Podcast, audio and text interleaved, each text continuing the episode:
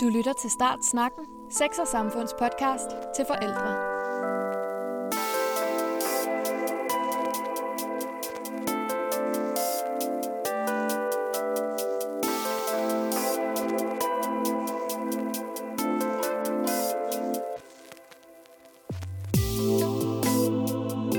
Mit navn er Karoline Ry, og det her er syvende afsnit af Startsnakken. I det her afsnit skal vi tale om transkønnethed, og mere specifikt om transkønnede børn. For bare få måneder siden rasede debatten om juridisk kønsskifte i de danske medier, og kønsidentiteter, som falder uden for normerne, er pludselig i fokus. Men hvordan oplever børn deres eget køn, og hvad vil det overhovedet sige at være transkønnet? Og hvad gør man som forældre, hvis ens barn ikke trives med det køn, man troede barnet havde?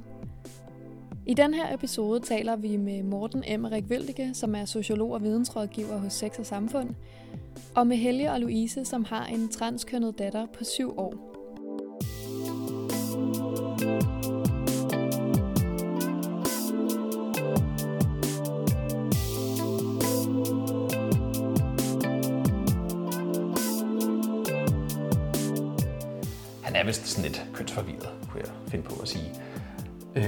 Og det, det fortryder jeg rigtig meget. Nu, hvor jeg ved noget mere om det, så synes jeg jo bare, det er enormt dumt sagt. Vi starter hjemme hos Helge og Louise. Jeg hedder Helge, Og jeg hedder Louise. ja, og vi er jo de stolte forældre til to dejlige børn. En, en dreng på 10 og en pige på 7. Vi har ikke altid vidst, at øh, vores datter er en pige. Øh, vi troede, hun var dreng, da hun blev født. Og det var så først, da hun var fire, vi forstod, hvad det var, hun sagde til os. At øh, hun faktisk er en pige. Altså da hun selv kunne udtrykke, hvad hun gerne ville have på af tøj, øh, så var det altid øh, nederdel eller kjoler. Øh, hun ønskede sig, da hun var, det var da hun var tre, øh, der ønskede hun sig en, øh, en sådan en øh, frostkjole, en Elsa-kjole. Og det fik hun, fordi altså, når hun nu ønskede sig det. hun legede jo også øh, farmor og børn, og var moren, og begyndte at være meget opmærksom på det her med, at når hun blev voksen, så skulle det jo være øh, som kvinde, og hun ville gerne stifte familie og være mor i den her familie her. Øh, og, og hele det der kvindelige univers øh, fyldte mere og mere i hendes øh, bevidsthed. Jeg kan huske, hvor vi har siddet, og jeg skulle putte hende, og, og vi sidder sådan og snakker lidt og har en hyggelig stund. Og så kigger hun sådan på mig, og så siger hun, mor, jeg er en pige om dagen og en dreng om natten. Og, og ikke engang, så jeg tænkte bare, ja ja, det. Og så nogle gange, så er du en flagermus. Altså selvom der måske var mange ting, hun, altså hun nok prøvede at sige til os, øh, altså så var det ligesom, da, da børnehaven øh, satte et møde op, og, øh, og vi sad der og, og snakkede, og de kiggede på os, og så sagde de sådan, har I måske tænkt på, at, øh, at, øh, at hun faktisk er en, er en hund? Øh, eller han er en hund. Ja, det skulle vi sådan lige... Øh, Altså, det ramte os som en hammer. ja, det må man sige. Ja. Altså, var en, øh, øh, det, det var sådan et... Øh, what? Vi, vi læser jo lidt op på lektien, og øh, kan jo så forstå, at øh, måden, man finder ud af, hvad børns identitet er, det er ved, at man spørger dem. Og det lyder jo banalt, men, men det virker faktisk. Så vi spurgte hende, er du en dreng eller en pige? Og så kigger hun på os, som om vi er åndssvage og slet ikke fatter noget. Jeg er jo en pige. Louise og Helges yngste barn, som de indtil da havde troet var en dreng, fortæller dem altså, når de spørger ind, at hun i virkeligheden er en pige. Pludselig skal de to forældre til at forholde sig til at have et transkønnet barn. Men hvad betyder det egentlig at være transkønnet? Vi har spurgt Morten Emmerik Vildike fra Sex og Samfund. Jeg hedder Morten Emmerik Vøldike, og jeg er vidensrådgiver i Sex og Samfund og arbejder med at formidle viden og undersøgelser omkring køn, krop og seksualitet. Man kan sige, at transkønnethed er sådan en samlebetegnelse for personer, som ikke definerer sig selv øh, eller identificerer sig selv med det køn, som de har fået tildelt øh, ved fødslen. Når vi bliver født, så får vi jo tildelt et køn.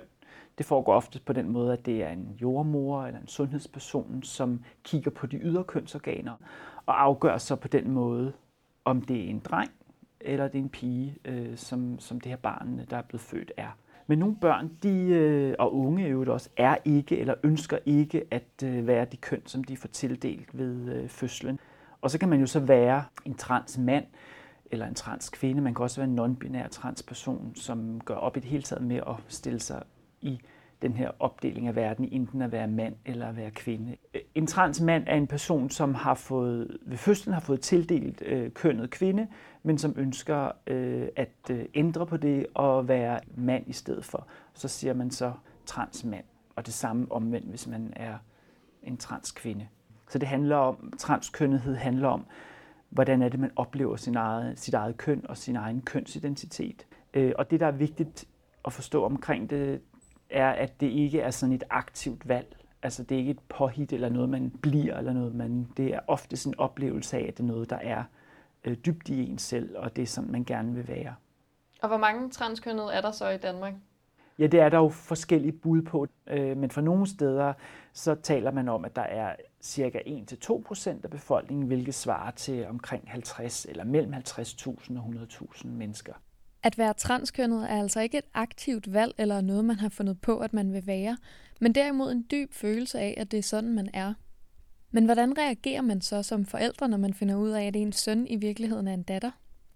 Det var jo ikke sådan fuldstændig fremmed for os, da det sådan først øh, ligesom var, var udtalt, men det var en øh, virkelig svær erkendelse. Det, var, altså det kom bag på mig, hvor, hvor, hvor svært det faktisk var. Øh, det, ja, det var jo en, utrolig hårdt, at øh, lige pludselig at tænke på, at, at her har vi holdt vores barn nede i, i, i alle de år.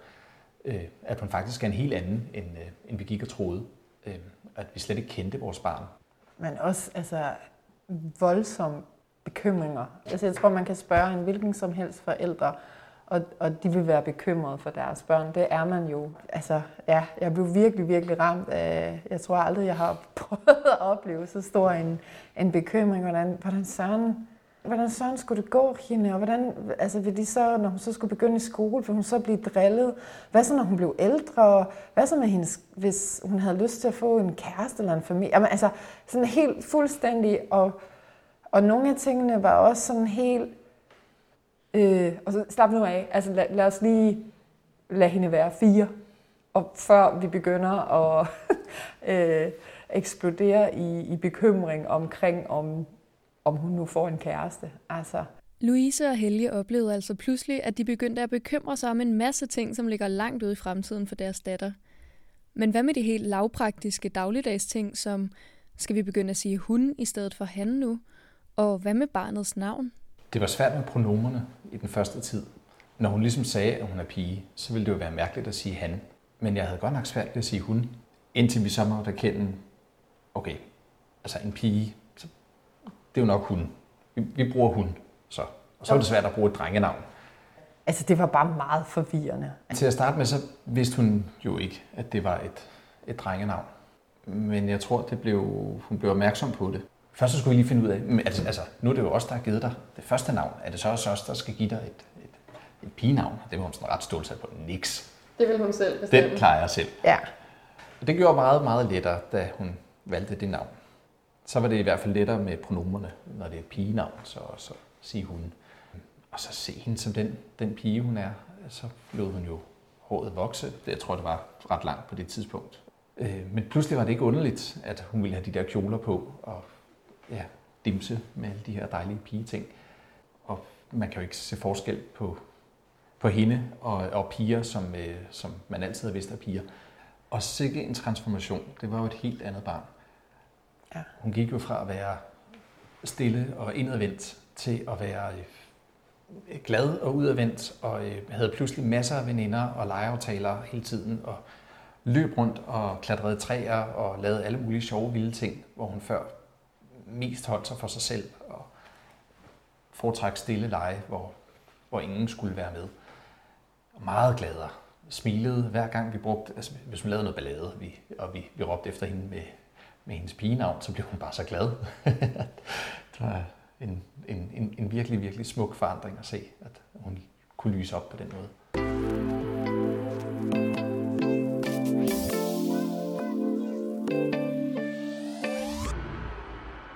For det meste har vi været utrolig øh, øh heldige, at øh, hvis vi tager sådan den den inderkreds, øh, altså familie, har virkelig været støttende. Og altså min mor, der sagde, øh, jamen, hvad vi have, jeg skal gøre? Og så sagde jeg, øh, jamen, du skal elske hende, som du altid har gjort. Og det eneste, hun svarede, det er, okay. Nogle af de øh, lidt altså, længere ud kredse havde svære ved at forstå det. Der kan jeg huske en, en mor til en af, af storebrors øh, legekammerater, altså hvor det var sådan noget, Nå, hvad er man så i dag? Og, og, og det er sådan, altså, hun er stadigvæk hun. Altså, det er jo bare en, en, en mangel på, på at forstå, hvad er det, det er. Altså, at, at det ikke noget, man bare vælger at sige, om i dag, der har jeg lyst til det. Men man er det. Altså, hun, hun er det. Ja, det var der lige nogen, der skulle, øh, der skulle forstå. Helge og Louise har altså primært oplevet opbakning fra omgivelserne. Men det her med, at nogle folk kan have svært ved at forstå, hvad det vil sige at være transkønnet, hænger nok også sammen med, at vi som samfund, også historisk set, har tænkt på køn på en anden og mere opdelt måde. Morten Emmerik Vøldige forklarer os, hvordan opfattelsen af køn har udviklet sig. Ja, man kan sige sådan generelt set, så har der sådan gennem historien eksisteret sådan en sådan ret solid øh, og meget udbredt opfattelse af, at der kun findes to køn kvinder øh, og mænd, og at det er det naturlige eller det rigtige, og at der skulle findes andre og flere køn eller flere variationer i det, var øh, unaturligt og unormalt. Og så kan man sige, hvis man kigger grundigere efter, blandt andet i forskning, men også i historien og sådan noget, så har der også altid været udfordringer af den her opfattelse af, om at der er to køn, eller det her binære køn, altså at det ligesom er mand over for kvinde, det er sådan to modsætninger, der er. Og der kan man sige, at hvis man kigger i vores samfund nu, så er det jo også noget, der er blevet udfordret. Og i de sidste 30-40 år, så kan, er den her opfattelse øh, af, at der er mand og kvinde, blevet udfordret øh, mere og mere. Og der er blevet peget på, at den her forståelse af, at der er to køn, mand og kvinde, måske mere er en norm, altså en, eller noget, der er skabt i vores samfund, opfattelse og skabt tilpasning. Øhm, end det sådan er sådan en, øh, en stabil eller binær størrelse, som ligger fast og som ikke kan rokkes eller ikke kan ændres på. Og det bekræftes jo så også af, at der er sådan kommet en større synlighed af livet erfaring for mennesker, som, som, og det kan både være børn, og det kan være unge, det kan være voksne, ældre, der ønsker at leve deres køn på andre måder end, øh, end som mand eller som kvinde. Denne her typiske forestilling om, at der findes to fast definerede køn, som er hinandens modsætninger, den er altså under forandring. Samfundet er blevet langt mere åbent over for andre måder at udtrykke køn på, men hvad gør man som forældre, når ens datter skal starte i skole, og hun formelt set stadig bliver kategoriseret som en dreng? Hun er skrevet op som en dreng, så derfor så tog vi jo kontakt til, øh, til skolen øh, med det samme, og sagde, at der er lige den her ting, vi skal være opmærksom på. Øh, og skolen har med det samme haft den her holdning her, at det her med med, med det her barns trivsel. Det skal vi bare have til at være en succes. Vi skal nok øh, få det her til at virke. Øh, og de har så læst op på det og, øh, og, og støtter op, og øh, øh, vi har lavet nogle rigtig gode praktiske løsninger på øh, sådan noget med omklædning og øh, gymnastik og den slags. Og det virker rigtig, rigtig fint. Og nu er hun jo bare, altså hun er jo bare en af, pige, øh, en af pigerne, en del af pigegruppen, og, øh, og, og det fungerer rigtig, rigtig godt. Havde hun på det her tidspunkt officielt fået sit pigenavn? Ja, ja og det, det, var, det var lidt vigtigt for os, at vi fik det skiftet øh, officielt øh, inden. Øh, det tager noget tid, hvis, øh, hvis man bare skal skifte fra drengenavn til drengenavn, eller fra pigenavn til pigenavn, så er det lige på borger.dk, og så er det en formular, man udfylder, og så går det helt fint. Øh, men når man skal den anden vej, så skal man bruge en eller anden snørklet øh, paragraf, som der ikke er så mange, der kender. Det tager noget tid, det er lidt byråkratisk. Men det ender med, at man så kan få det navn, som man identificerer sig som. Det er dejligt, fordi så kunne hun få lov til at i det mindste at stå rigtigt på, det kan godt være, hun står på drengelisten, men hun står med et pigenavn, øh, og så kan det være lidt lettere at forklare. Helge og Louise nåede altså at få skiftet deres datters navn, inden hun startede i skole. Og det er altså noget, der har hjulpet hende rigtig meget i mødet med klassekammerater og lærere. Men som lovgivningen er nu, kan hun ikke få lov til at skifte sit CPR-nummer, før hun bliver 18 år. Men der er debat om, hvorvidt aldersgrænsen skal sættes ned. Der er i øjeblikket sådan en debat i øh, øh, blandt politikere om, om man skal ændre på den aldersgrænse, der er ved 18 år i dag, øh, omkring det at få juridisk kønsskifte. Øh, det fik man i 2014, fik man det ved 18 år, og, øh, og man fik det på den måde, at man sådan set bare selv skal ytre ønske om det, så kan man få foretaget det. Øh, og det er sådan i dag, at man øh, godt øh, kan få hormoner, øh, når man er under 18 år. Man kan få stophormoner, som kan hjælpe til at stoppe puberteten og den, i den øh, retning, ens køn udvikler sig i pubertet. Og så kan man så få hormoner senere, som bekræfter det køn, man gerne øh, ønsker at have.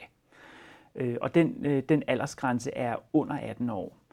Og det vil sige, at vi er allerede i en situation, hvor vi giver mulighed for at øh, bekræfte øh, et køn, øh, som man ønsker, øh, tidligere end 18 år. Og derfor giver det også mening, at man rykker grænsen for kønsskifte på den juridiske del. Altså det der er, det er, at vi ved, at det der behov for ønsket om at ændre sit tildelte køn og bekræfte en anden kønsidentitet end den, man har fået ved, ved fødslen, den kan, den kan opstå øh, tidligt i livet. Det er ikke kun noget, der sker, når man er 15 år, eller når man har en vis alder, eller en vis udvikling osv. Der er, øh, selvom vi har meget lidt viden omkring hele det her område, så er der øh, levet erfaring for børn og unge og familier, at det her er et ønske, der kan være tidligere og tidligt i livet. Vi taler også ned til sådan 4-6 år. Og det er, jo, det er jo et godt argument for at se, hvad er det for nogle problemer, der kan være, der kan opstå, når man for eksempel starter i skolen, når man skal starte i fritidsaktiviteter, øh, når man skal rejse ud, øh, øh, når man møder sine klassekammerater øh, osv., at, øh, at der er en overensstemmelse mellem, hvem man ønsker at være og hvem man, man, man udtrykker, øh, og så hvad, hvad der står på ens CPR-nummer, at, øh, at de to ting hænger sammen, og det kan skabe mindre mere tryghed og mere øh, sikkerhed for, øh, for barnet, familien i forhold til ikke at skulle stå i alle mulige situationer, som kan være ubehagelige eller kan være kompromitterende på forskellige vis. Da Helge og Louises datter skulle starte i skole, spurgte de hende, om de måtte fortælle forældrene til de andre børn i klassen, at hun er transkønnet. Vi havde fået lov til, altså vi havde spurgt hende øh, til det første forældremøde, øh, om vi måtte sige det til forældrene. Så, så vi sagde det til øh, forældrene, men sagde også, at, øh, at hun ønskede selv at styre, hvornår hun sagde det til sine, til sine legekammerater. Og fra forældrenes side, der, øh, jamen altså, der, var, der var en efter mødet, der, der gav mig et ordentligt kram og sagde, ej, tusind tak skal du have, øh, fordi du fortæller det. Og vi fik også øh, nogle øh, beskeder, nogle mails fra forældre, der havde været, altså, som sagde, ej, det vil det være, vi skal nok sørge for, at hun får den bedste skolegang. Det er vi jo flere om at skal være med til.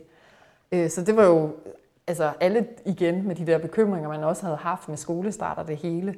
Og så, øh, og så møde øh, forældre, der bare var ja, bare super cool. Øh, og nogle gange så kommer pædagogerne og så siger, øh, om i dag der hørte vi altså, at hun sagde det til, og mm, nå okay, altså, når, og det er jo dejligt. Altså jo flere hun fortæller det til, ser vi som om, at det er fordi, hun føler sig tryg. Og hun har det på, altså hun fortæller det på sin måde.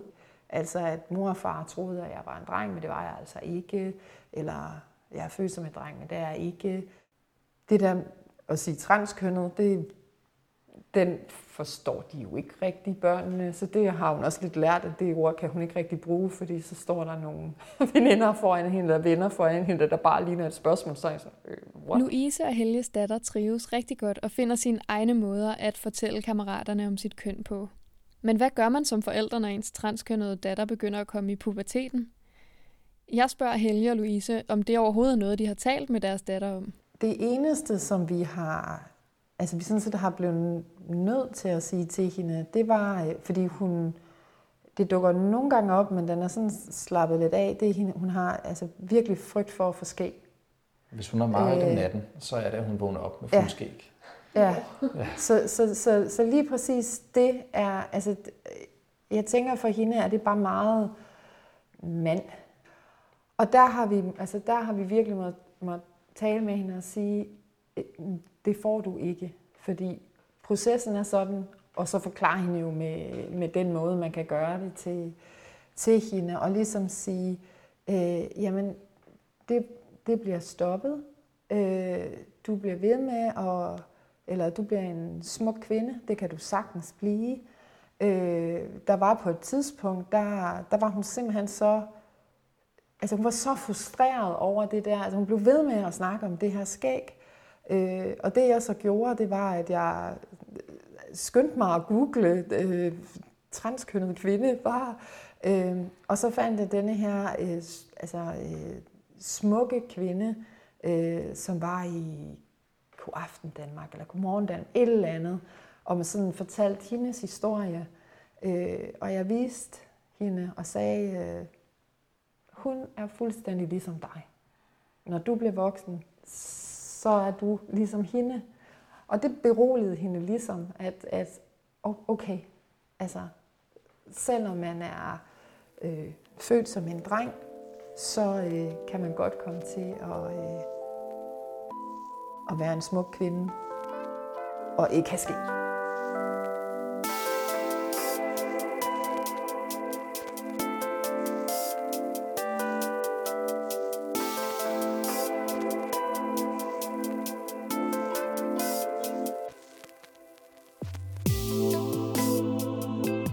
Heldigvis er der mange ting, man som transkønnet kan gøre i dag, så kroppen passer til den person, man ønsker at være. Og selvom man i Danmark stadig ikke juridisk kan ændre køn, før man fylder 18, så er der altså andre muligheder allerede fra puberteten. Som Morten Emmerik Vøldige allerede har nævnt, så kan man få stophormoner, hvilket for eksempel for Louise og Helges datter ville betyde, at hendes pubertet ville stoppe, og på den måde sørge for, at hun for eksempel ikke ender med et fuldskæg. Efterfølgende kan man så begynde på kønsbekræftende hormoner, som gør, at ens krop udvikler sig i en retning, der stemmer overens med ens kønsidentitet. Det kan fx betyde, at man vil udvikle brystvæv og rundere hofter. Og derudover er der mulighed for yderligere at bekræfte sit køn med kirurgiske behandlinger, som f.eks. kan ændre på de ydre kønsorganer eller på brystpartiet. Og selvom viden om transkønnethed stadig ikke er så udbredt, så er der altså flere muligheder i dag end for bare få år siden. Og det betyder også, at samfundet udvikler sig. Generelt set vil jeg jo sige, at der er kommet mere synlighed, og der er også kommet mere anerkendelse af øh, og respekt over for transkønnet som befolkningsgruppe. Øh, og der er kommet en større bevidsthed om, at transkønnethed handler om menneskers øh, kønsidentitet, og ikke om deres seksuelle præferencer eller deres seksualitet og seksuel orientering. Øh, og det handler heller ikke om sygdom eller perversion, som man kaldte det engang. Øh, men det handler simpelthen om menneskelig variation i forhold til køn.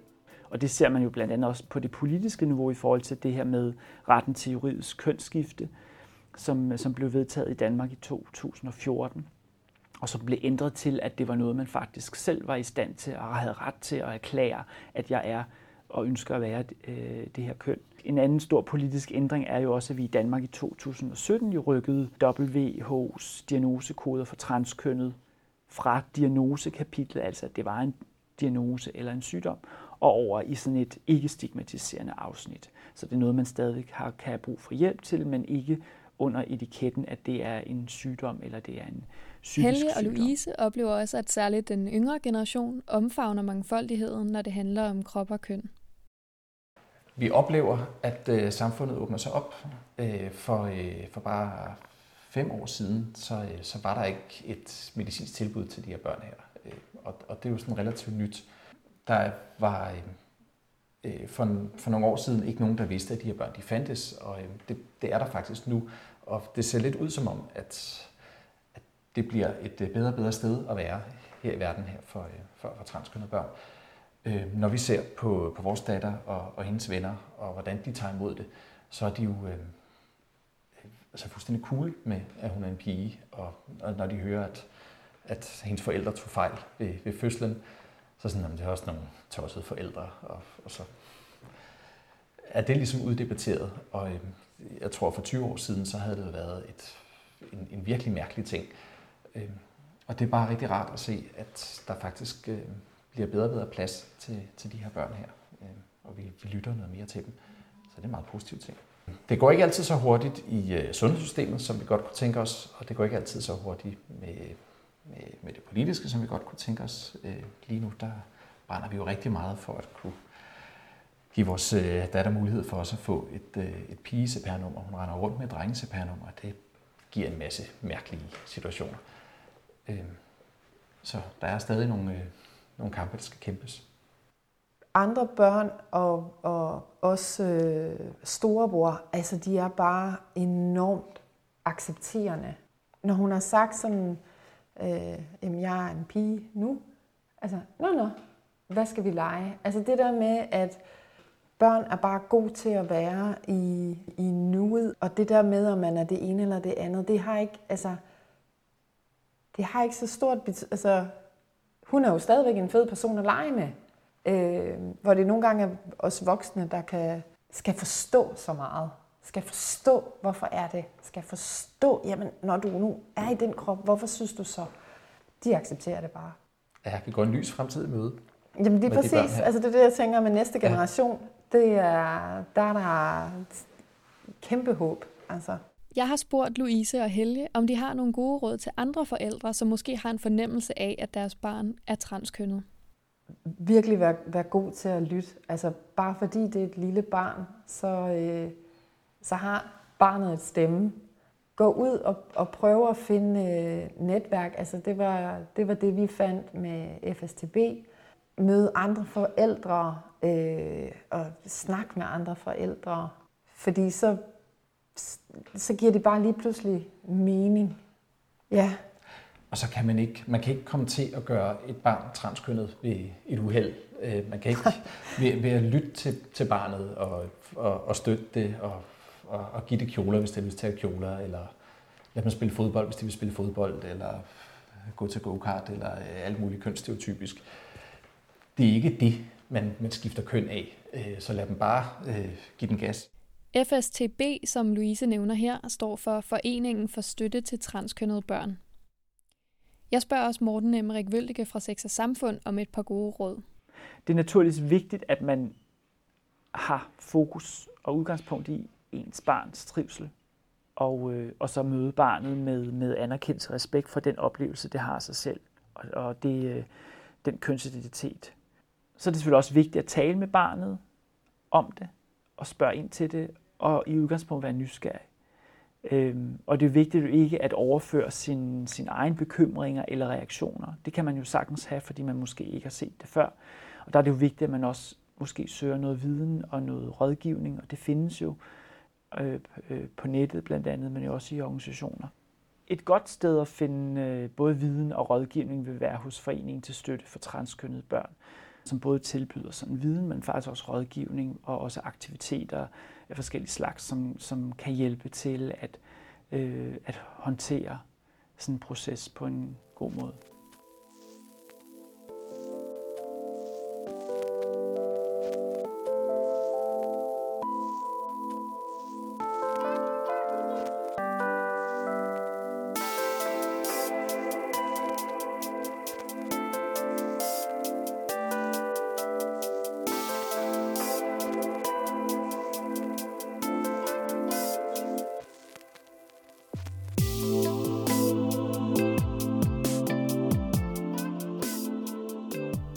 Godt være svært som forældre at nå frem til en erkendelse af, at ens barn i virkeligheden har et andet køn end det, man troede.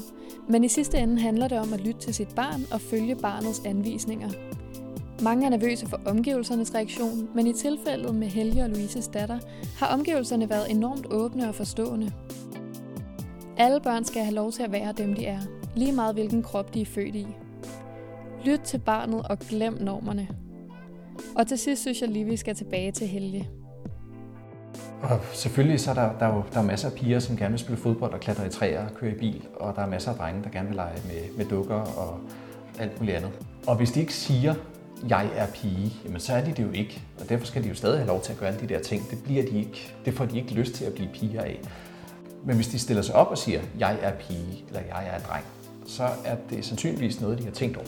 Og så kan man ikke gøre noget galt Jeg støtter dem i det og spørger interesseret ind til, at nå okay, og og lad, lad det børnene vise vejen. Øh, de ved godt selv, hvor det her det skal ende.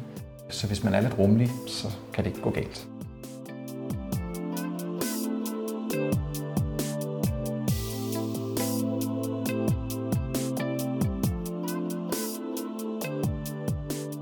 Du har lyttet til Start Snakken, Sex og Samfunds podcast til forældre. Hvis du gerne vil have endnu mere information om transkønnethed og transkønnede børn, kan du gå ind på Foreningen for Støtte til Transkønnede Børns hjemmeside, fstb.dk. Du kan også tilmelde dig Sex og Samfunds forældremagasin, som i disse uger sætter fokus på transkønnede børn. Det gør du på sexogsamfund.dk-forældre. Mit navn er Karoline Ry.